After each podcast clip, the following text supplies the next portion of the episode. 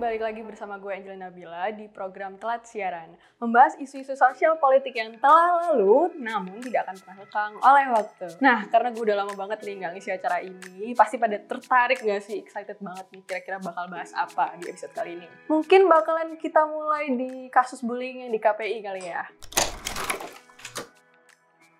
Nih buat teman-teman yang nggak tahu, kasus ini bermula dari postingan di media sosial mengenai surat terbuka seorang karyawan KPI Pusat yang telah mengalami perundungan selama bertahun-tahun oleh beberapa karyawan KPI Pusat yang lainnya. Nah, dalam surat terbuka yang berada di media sosial sejak awal September 2021 lalu itu, dijelaskan secara detail mengenai kronologi kejadian hingga identitas para pelaku. Berani nggak sih kayak nge-up, ngeviralin kayak ginian di sosial media? Nah, kejadian perundungan tersebut dialami seorang karyawan laki-laki yang berinisial MS sejak tahun 2011. Berarti udah lama ya. Tapi nggak ditindak-tindak nih. Perundungan yang dialami korban tidak hanya secara verbal, seperti mengucapkan kata-kata kasar, mengucapkan kata-kata yang berunsur sara, tapi juga secara fisik, seperti memukuli dan menelanjangi korban. Seperti yang dijelaskan dalam surat terbuka itu, pada tahun 2015 korban mengalami pelecehan seksual oleh para pelaku. Para pelaku beramai-ramai menelanjangi korban, mencoret alat kelamin korban dengan spidol, dan juga mendokumentasikan hal tersebut. Sayangnya, meski korban sudah pernah melaporkan kejadian perundungan tersebut, kepada atasan, kepada Komnas HAM, hingga kepada pihak kepolisian, tapi tidak ada yang menanggapi laporan tersebut dengan serius. Komnas HAM meminta korban untuk membuat laporan kepolisian, sedangkan polisi meminta korban untuk melaporkan saja kasus tersebut ke atasannya di KPI. Jadi kayak masalahnya ini diloncatin ke satu pihak ke pihak lainnya, padahal menurut gue pribadi nih, semua pihak ini bertanggung jawab loh untuk menyelesaikan masalah ini. Setelah postingan surat terbuka korban viral di media sosial, banyak netizen yang geram dan menuntut penyelesaian kasus perundungan MS. Seketika, nama instansi KPI menjadi ramai diperbincangkan. Pihak KPI Pusat pun telah mengeluarkan rilis resmi terkait tanggapan akan kasus dugaan perundungan tersebut dan memutuskan untuk melakukan penyelidikan secara internal.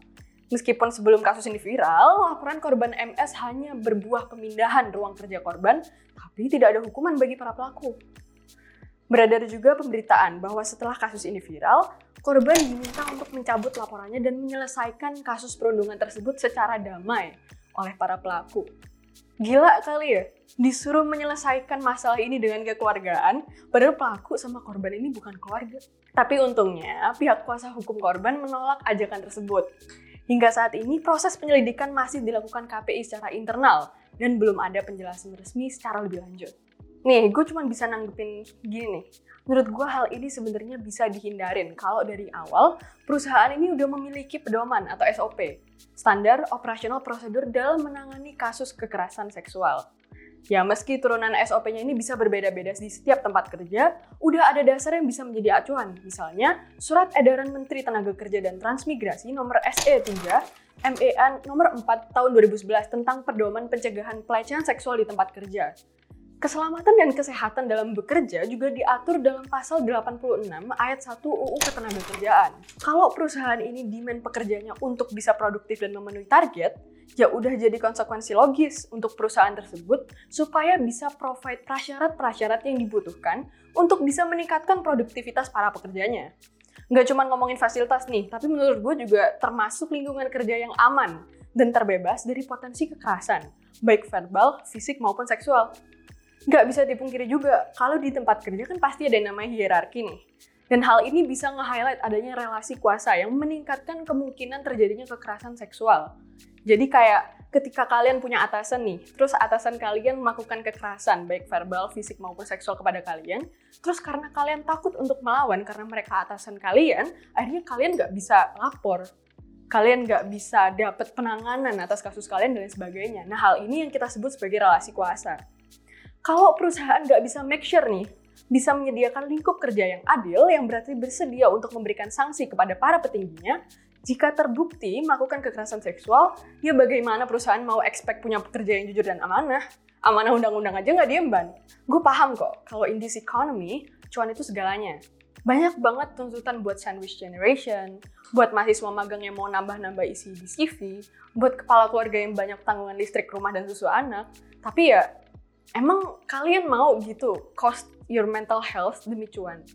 Kalau mental kalian kacau dan lo pada nggak bisa bekerja dengan optimal karena hari-hari lo dirundung sama teman kerja lo, sooner or later juga lo bakal dilepas oleh kantor karena lo nggak produktif. Kasarannya gimana ya? Perusahaan itu nganggap tenaga kerja itu expendable. Karena tenaga kerja ini banyak banget supply-nya. Jadi kalau misalkan lo kebuang, perusahaan juga gampang cari yang lain. Nih, gue punya saran. Kalau misalkan lo lapor ke atasan dan gak ditindaklanjutin, ya quit mungkin bakalan kedengeran seakan-akan gue ini insensitif. Tapi gimana ya, ini cuma bisa diaplikasikan ke orang-orang yang gampang buat cari kerja nih. Karena faktanya, banyak tempat kerja lain yang inklusif, gak diskriminatif, dan bakalan kasih lo ruang buat berkembang. Kalau emang sebutuh itu sama duitnya, gue gak bakal kok ngehakimin lo buat bertahan. Tapi gue mungkin bisa kasih sedikit saran. Lo bisa kontak Komnas HAM di sini, Komnas Perempuan di sini, LSPK di sini, supaya ada orang yang bisa ngawal kasus lo lo nggak sendirian dan gue mau ngeyakinin kalian kalau gue bakal dukung lo cari keadilan sampai lo dapet. Kalau misalkan putusin buat viralin, gue punya precaution nih buat kalian. Lo emang harus hati-hati, tapi gue tetap dukung lo. Karena mungkin ada pihak yang bakal manfaatin UU ITE untuk memutar balikan keadaan kayak yang udah-udah. Tapi ya udahlah, semangat. Next ke kasus Saipul Jamil dan pernyataan KPI. Saipul Jamil, seorang penyanyi dangdut dan juga mantan napi kasus pelecehan seksual terhadap anak di bawah umur, kembali memancing kontroversi di tengah masyarakat. Pada awal September 2021 lalu, pembebasan Saipul Jamil dari penjara setelah menjalani masa tahanan selama lima tahun ditayangkan di beberapa stasiun TV dan dibuat seolah-olah sebagai sesuatu yang dianggap sebagai sebuah perayaan. Kayak ada pengalungan bunga untuk Saipul Jamil, penjemputan dengan mobil mewah, dan diarak saat meninggalkan LP Cipinang. Kenapa sih diglorifikasi segitunya? Selain itu, Saipul Jamil juga langsung tampil di stasiun TV dalam sebuah acara talk show. Penyambutan Saipul Jamil ini dan langsung muncul di acara TV langsung menimbulkan berbagai kritik dari kalangan-kalangan tertentu. Status Saiful Jamil yang merupakan seorang mantan napi dan pelaku pelecehan seksual terhadap anak di bawah umur dianggap tidak sepantasnya diperlakukan berlebihan seperti itu. Beberapa netizen juga menyindir dengan tanggapan bahwasanya peraih medali emas Olimpiade saja tidak diperlakukan seperti itu. Munculnya Saipul Jamil di acara stasiun TV nasional segera setelah bebas juga menimbulkan protes banyak pihak kepada KPI. Kok bisa KPI ini membiarkan stasiun TV nasional untuk menampilkan seorang pelaku pelecehan terhadap anak di bawah umur? Banyak pihak beranggapan munculnya kembali Saipul Jamil di stasiun TV bisa menimbulkan trauma kepada korban dan seolah-olah membenarkan perbuatan yang telah dilakukan oleh Saipul Jamil. Kontroversi kemunculan Saipul Jamil di stasiun TV juga semakin diperkeruh dengan pernyataan Ketua KPI, Agung Supriyo, yang memperbolehkan Saipul Jamil tampil di stasiun TV dengan konteks edukasi dan meminta masyarakat mengesampingkan hak asasi manusia terlebih dahulu.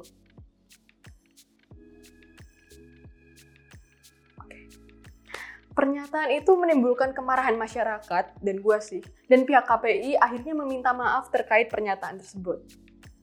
Saat ini, petisi yang meminta Saiful Jamil untuk diboykot dari stasiun TV telah mencapai sekitar lebih dari 500 tanda tangan. Pihak KPI sendiri akhirnya mengubah sikap dan mengimbau stasiun TV untuk tidak melakukan glorifikasi pembebasan Saiful Jamil. Nih, Menurut gue menarik sih, karena pro kontra dalam masyarakat sama-sama kuatnya. Mungkin kita analisis satu-satu aja kali ya.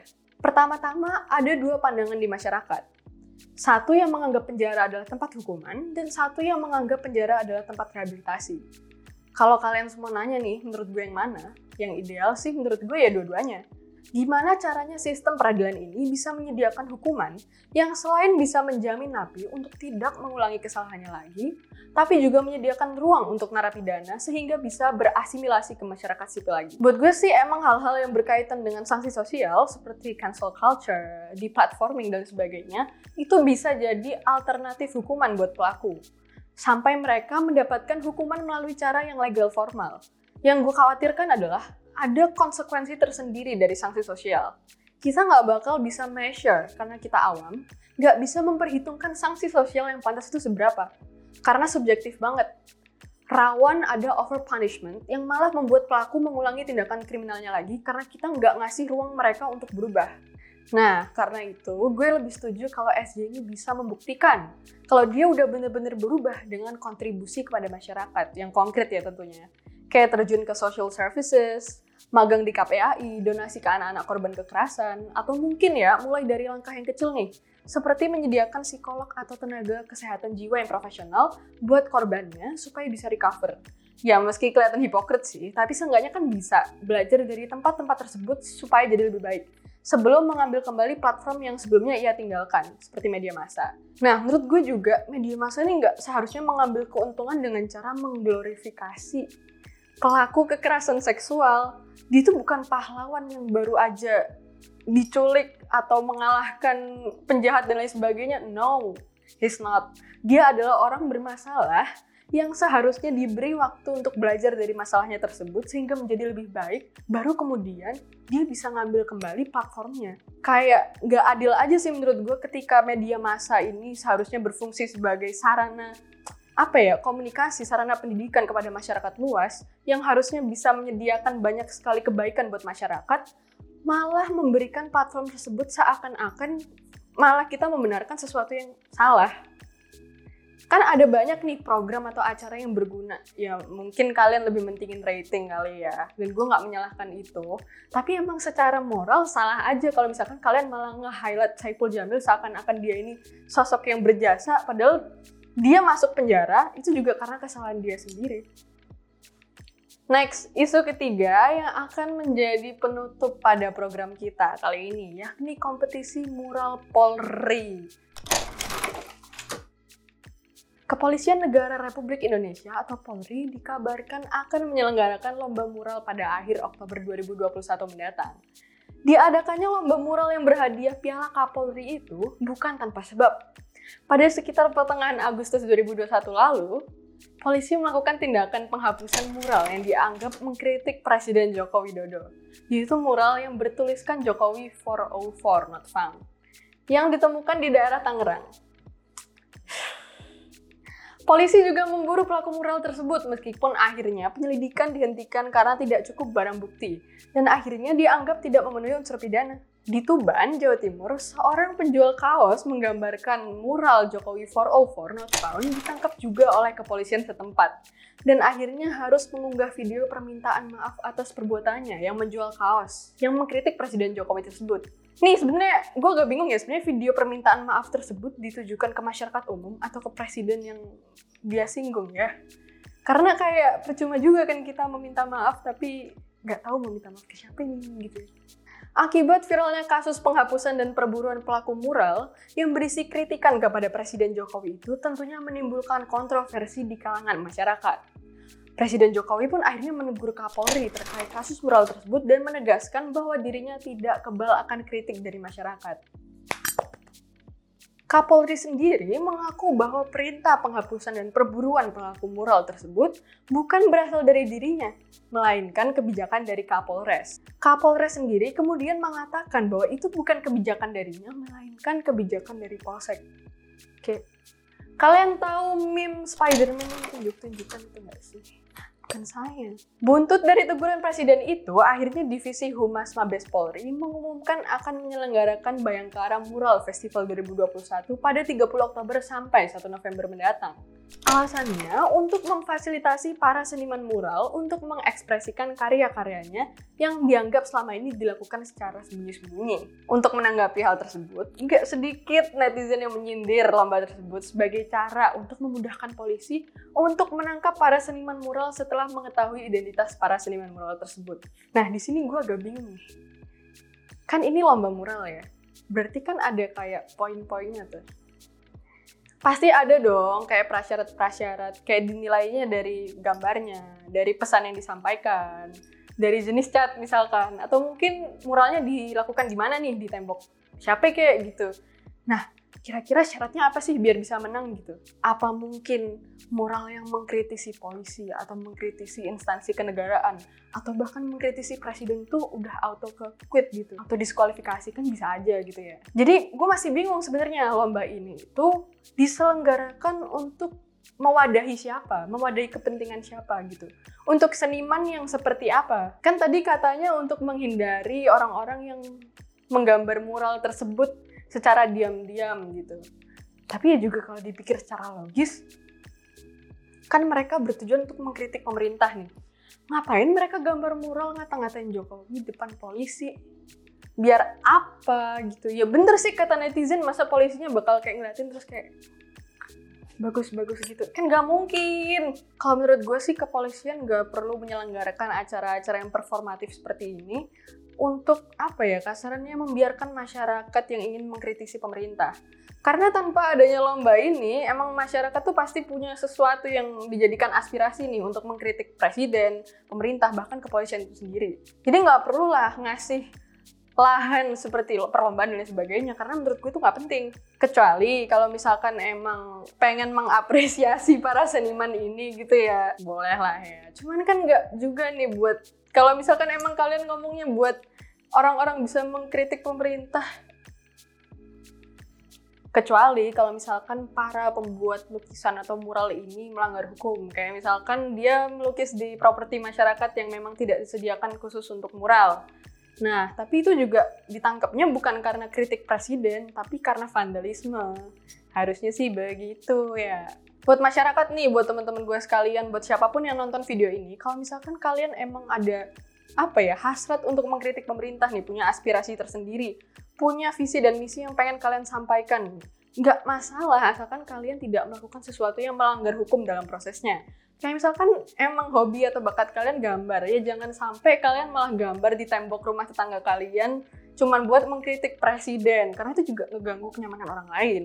Pun kalau misalkan kalian emang pengen demo nih katakan kepada para pembuat kebijakan ke DPR dan sebagainya ya nggak salah juga tapi ya jangan sampai kalian mengganggu kenyamanan orang lain. Kayak misalkan kalian merusak fasilitas umum yang dibuat untuk kenyamanan masyarakat nih supaya mereka dapat memiliki akses untuk bekerja untuk pendidikan dan sebagainya karena itu malah counterproduktif tau gak sih jadinya kalian nggak cuman mengkritik pemerintah tapi kalian juga menyusahkan hidup orang lain yang juga hidup secara berdampingan dengan kalian. Jadi mengkritik itu nggak salah sama sekali. Tapi kalau misalkan kalian sampai merenggut kenyamanan masyarakat luas, ya pikir aja ya salah apa tidak gitu. Kan kasihan yang lain. Sayangnya kita telah sampai di penghujung program telat siaran kali ini.